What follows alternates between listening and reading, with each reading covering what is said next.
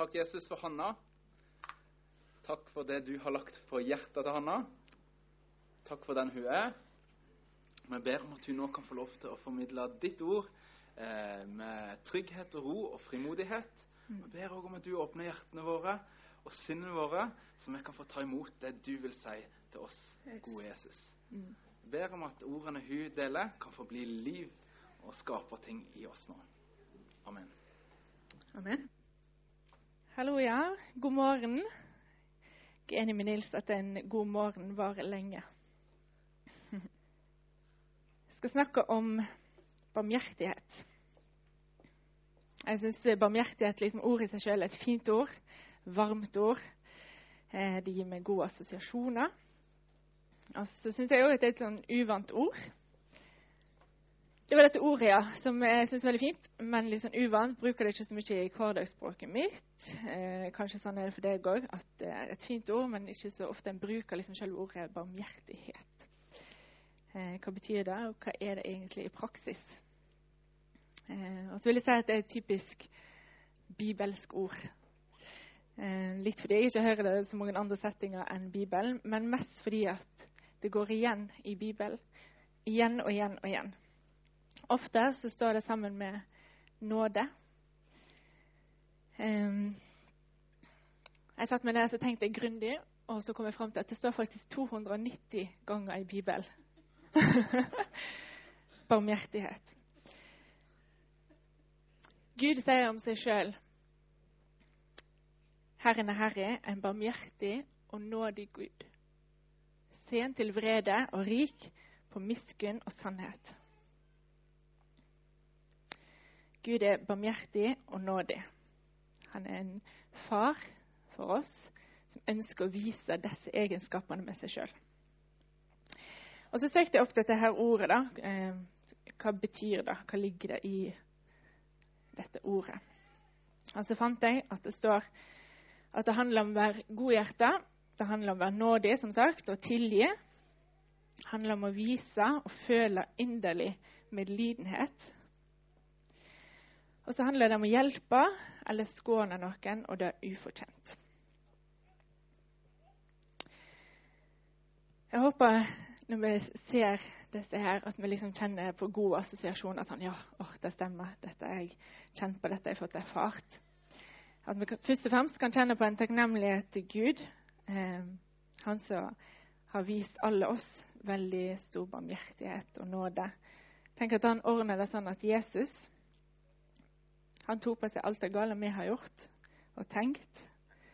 Sånn at vi bare kan si takk. Jeg tar imot. Jeg tar imot tilgivelse og kjærlighet. At vi kan få lov til å si at ja, jeg ønsker å ha en relasjon til Gud. Og takket være Jesus så ser Gud på oss som tilgitt og uten synd. Og det er et tilbud for alle. Det er jo helt utrolig. For alle så er dette det samme tilbudet. At vi helt ufortjent kan få ta imot. Og så kan vi få oppleve en frihet, en glede, av å være i en sånn nær, personlig relasjon til Gud. Det er bare wow. Og så ønsker vi at det skal være lett her i Sim å si ja takk til Jesus for første gang og for tusende gang. Og med mange her som har eh, lyst til å være med og be den ja takk-bønnen med deg, om du ønsker det i dag. Så grunnmuren vår, altså utgangspunktet vårt, er at Gud, som kaller alle mennesker for sine elskede barn.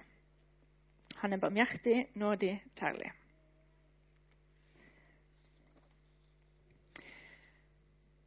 Og så sier Gud at eh, vi skal få ligne på Han. Og når Jesus var på jorda, så brukte han all sin tid på å være god mot folk. Og så lærte han folk hvordan de skal være gode mot hverandre. Så ga han oss mange eksempler og historier, eller lignelser, for å vise hvordan det kan se ut i praksis. Jeg tenker fort på historien Jesus fortalte om den barmhjertige samaritan. Som Jesus fortalte for å vise hvem han sjøl var og er for oss. Men også for å gi oss et eksempel og eh, noe å på en måte strekke oss etter. Og så tenker jeg på den bortkomne sønnen som vender hjem den lignelsen Jesus fortalte om faren som hadde to sønner. skal bruke litt tid på den. Eh, mange kjenner kanskje historien, men det var altså en far som hadde to sønner. Den yngste sier at 'jeg ønsker å få arven min'. Og så får han det. Han får arven sin, og så reiser han vekk, og så sløser han den vekk på et vilt liv, står det. Hmm. Så han blir fattig til slutt står igjen uten plass å bo, har ikke arbeid, har mista vennene sine, er hungersnød i landet. Så kommer det etter hvert til et punkt der han er helt på bunnen, desperat. Så tenker han at OK, eh, men hjemme hos far min så er det folk som jobber. Eh, altså De er ansatt hos far min på gården der. Kanskje jeg kan få jobb, jeg òg. Jeg kommer tilbake og krever ingenting, men hvis jeg bare spør fint om jeg kan få en jobb. Så han reiser hjem. Og når han nærmer seg, så ser faren han, for han står og speider etter han. Og så kjenner han inderlig medfølelse med han, sier Jesus. Og så springer han han i møte og kysser han. Og så gleder han seg over at han er kommet tilbake, og inviterer til fest. Og så dør han eldstebroren i historien som blir møtt av denne faren. For han er misunnelig og bitter, og faren trenger å minne ham på at eh, broren din har vært vekke og kom tilbake. Dette er grunn til å feire. Og sier han òg at eh, alt mitt er ditt. Eh, og viser han òg en enorm barmhjertighet der som han er i sitt liv. Og så har jeg en bok som jeg er veldig glad i, som jeg har lest før og begynt på på nytt nå. 'Den bortkomne sønn hjem' av Henry Nguyen. Den er helt nydelig. Anbefaler den varmt. Han skriver om disse sønnene. Eh, og liksom Ja. Hvordan vi kan kjenne oss igjen i dem. Eh, og hva Jesus ønsker å vise oss med disse sønnene. Og så skriver han òg om faren. Hvem er faren i denne historien, og hva, hva ønsker Jesus å fortelle oss med han? Så hopper jeg inn der han eh, sier litt om dette her, da. Men hva med faren? Hvorfor bruker jeg så mye tid på sønnene når det er faren som står i sentrum, og faren jeg skal identifisere meg med? Hvorfor snakker jeg så mye om å være som sønnene når det virkelige spørsmålet er er du interessert i å være lik faren? Det føles på en måte godt å kunne si disse sønnene er som meg. Det gir meg en følelse av å bli forstått. Men hvordan føles det å si faren er som meg? Ønsker jeg å være lik faren? Ønsker jeg å være ikke bare den som blir tilgitt, men også den som tilgir. Ikke bare den som blir ønsket velkommen, men også den som ønsker velkommen. Ikke bare den som mottar kjærlighet, men også den som gir den.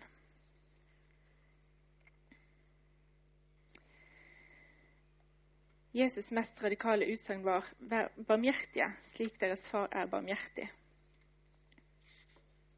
Jesus beskriver ikke bare Guds barmhjertighet for å vise hvor villig Gud er til å ha medfølelse med meg, til å tilgi syndene mine og til å gi meg nytt liv og glede, men også for å be meg bli lik Gud og vise den samme barmhjertighet mot andre som han viser mot meg.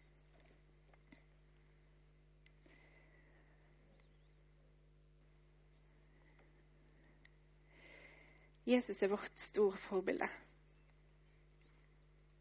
Han hadde et mildt og mjukt hjerte i møte med alle. Eh, og Det betyr ikke at han ikke sto opp når det var urett, eller ikke sa ifra når noe var galt. Det var ikke en sånn type mildhet som at han ikke hadde ryggrad. Men en mildhet eh, som viste seg i praksis. Han hadde en enorm omsorg for alle typer folk han møtte. Og det utfordrer oss naturligvis at vi blir oppmuntra til å ligne en som er perfekt. Og så utfordrer det oss òg fordi at eh, det er så veldig mange rundt oss som trenger hjelp. Som trenger at noen er barmhjertig. Det er mennesker i krise og nød i hele verden. Eh, og en kan få litt sånn ja, klump i magen hver gang jeg ser nyhetene og blir liksom minnet på at overalt så er det folk som, er desperate.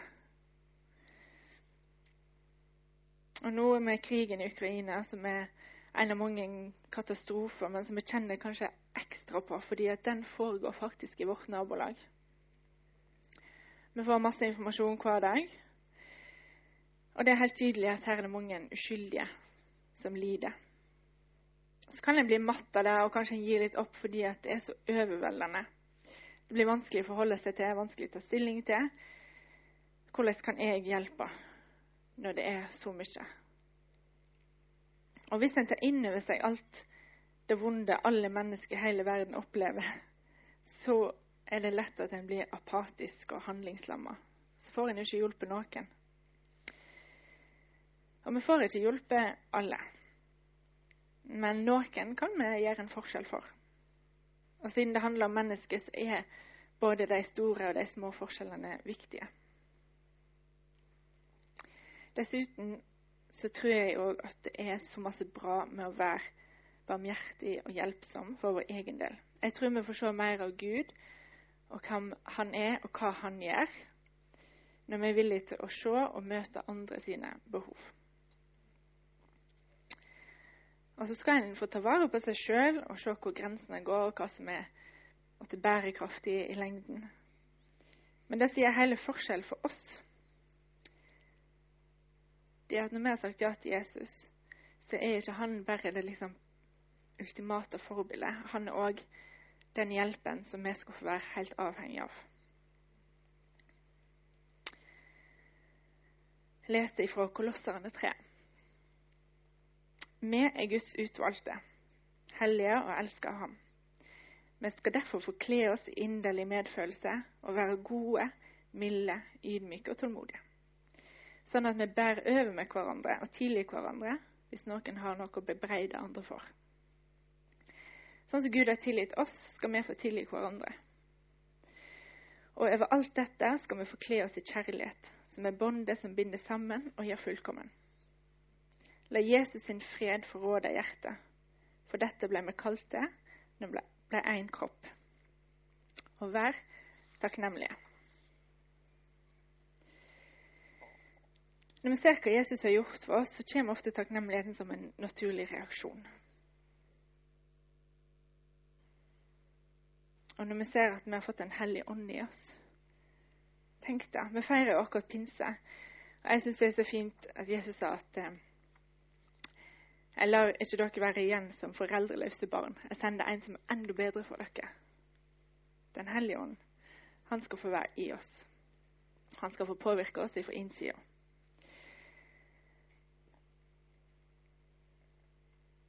Han har alltid mer for oss. Når Den hellige ånd kommer, så er konsekvensene av det det skal få vokse fram kjærlighet og glede, fred, overbærenhet, vennlighet, godhet, trofasthet, ydmykhet og selvbeherskelse.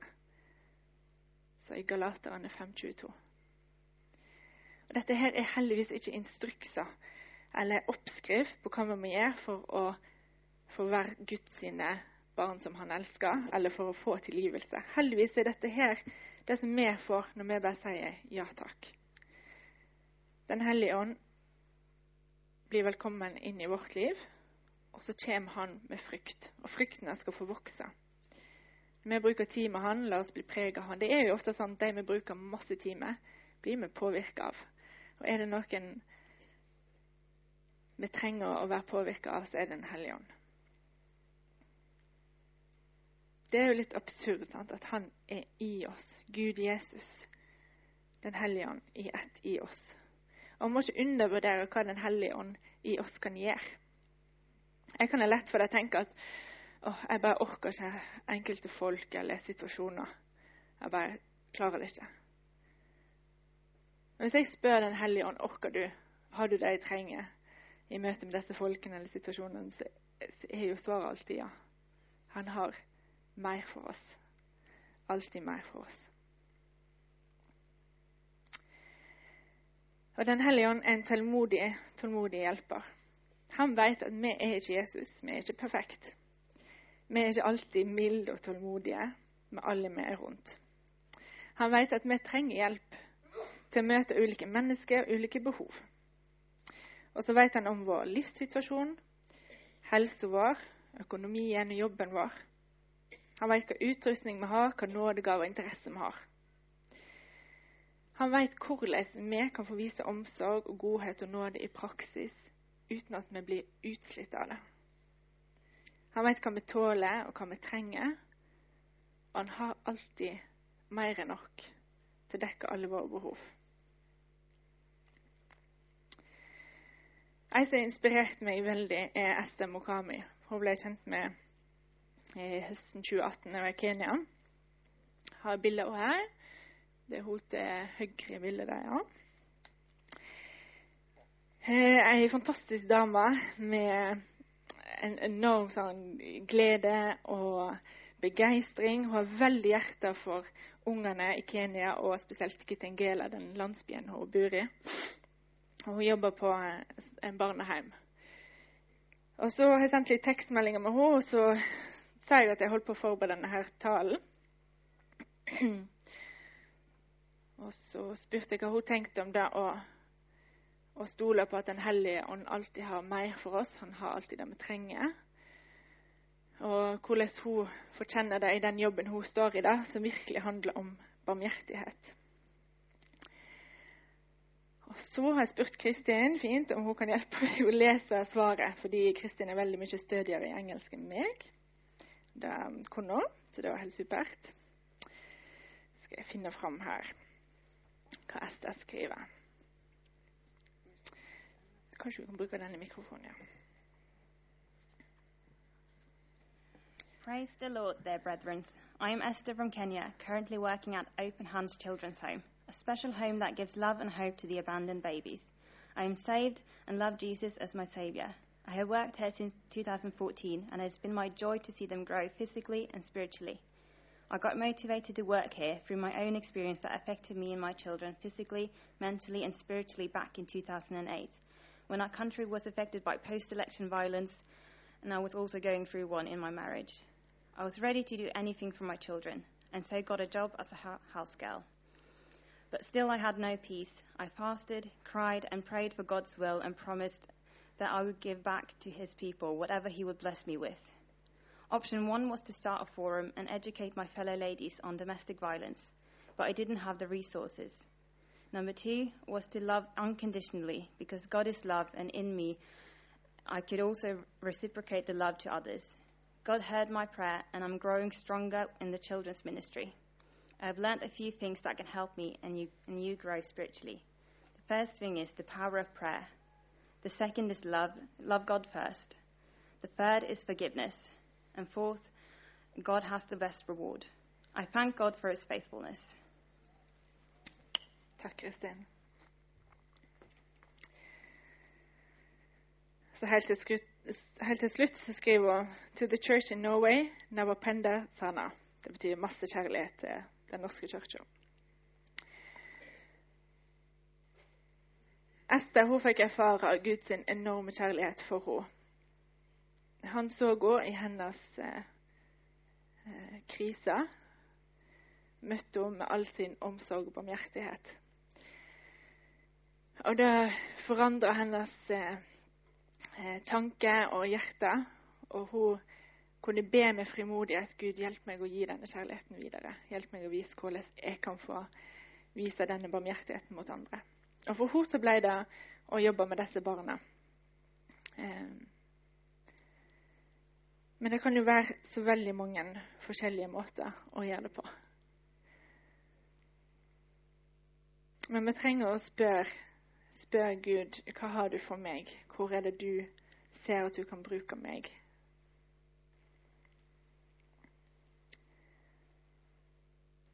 Kanskje det er noe spesielt han har lagt på ditt hjerte. Kanskje det er noe du allerede er engasjert i, eller folk du allerede kjenner, som du bryr deg om. Kanskje det er noe helt nytt. Gud sier at hans kjærlighet for oss, den renner over. Han ønsker å fylle oss sånn opp at det bare renner over. At vi bare kan ikke noe annet enn å, enn å dele det. Han ønsker å fylle oss med en sånn kjærlighet, en sånn glede og fred, tålmodighet, at det renner over. Det er alltid mer.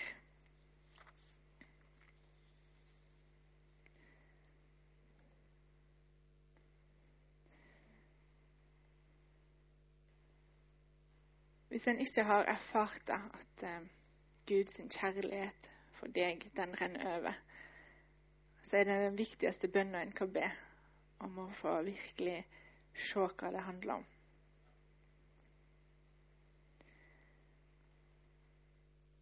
Og Så kan en få fortsette å be om at eh, Gud viser hvordan en kan få gi det videre. Hvordan andre kan få glede av at du har fått mottatt Guds kjærlighet.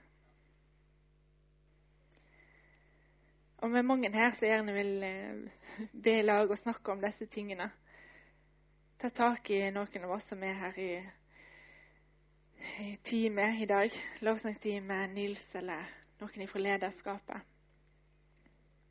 Snakk om det når dere kommer hjem. Hvordan ser barmhjert, barmhjertighet ut i deres liv nå? Hvordan kan det se ut? Er det noe du trenger å bli bekrefta på? Er det noe du trenger på en måte mer påfyll av? Er det tålmodighet eller overbærende? Trenger du hjelp med å tilgi? Tørre å snakke i lag, stille hverandre disse spørsmålene. Be i lag. Lytt til Gud i lag.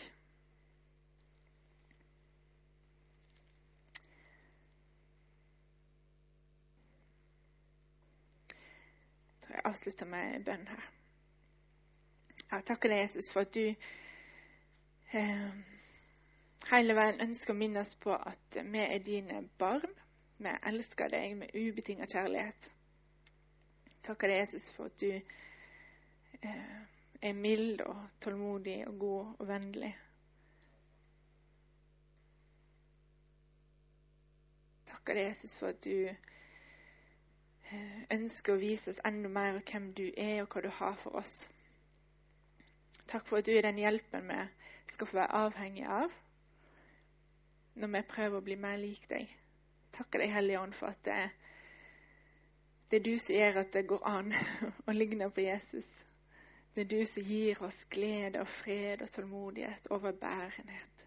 Alle dine frykter skal vi få ta imot, og skal vi få se at de vokser i våre liv. Jeg ber om at du viser oss hva vi trenger mer av, hva vi trenger å be deg eh, fylle oss mer med i dag.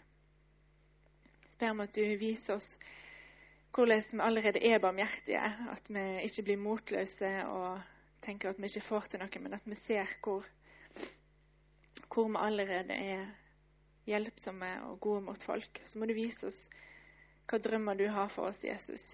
Hvor du ønsker å bruke oss, og hvem du vil at vi skal se. Må du vise oss hvordan vi kan gjøre det i praksis, hvordan det kan fungere i hverdagen vår og i livet vårt, Jesus. Jeg takker deg for at det er spennende å følge deg. Det er spennende å få være med på det du gjør. Det er kanskje krevende og av og til vanskelig, men det er, det er et liv som er spennende og givende. Jeg ber om at det blir masse gode samtaler framover Jesus om hva du holder på med takker deg for at du har masse gode planer for alle som er her, Jesus. Mm. Ja. Amen.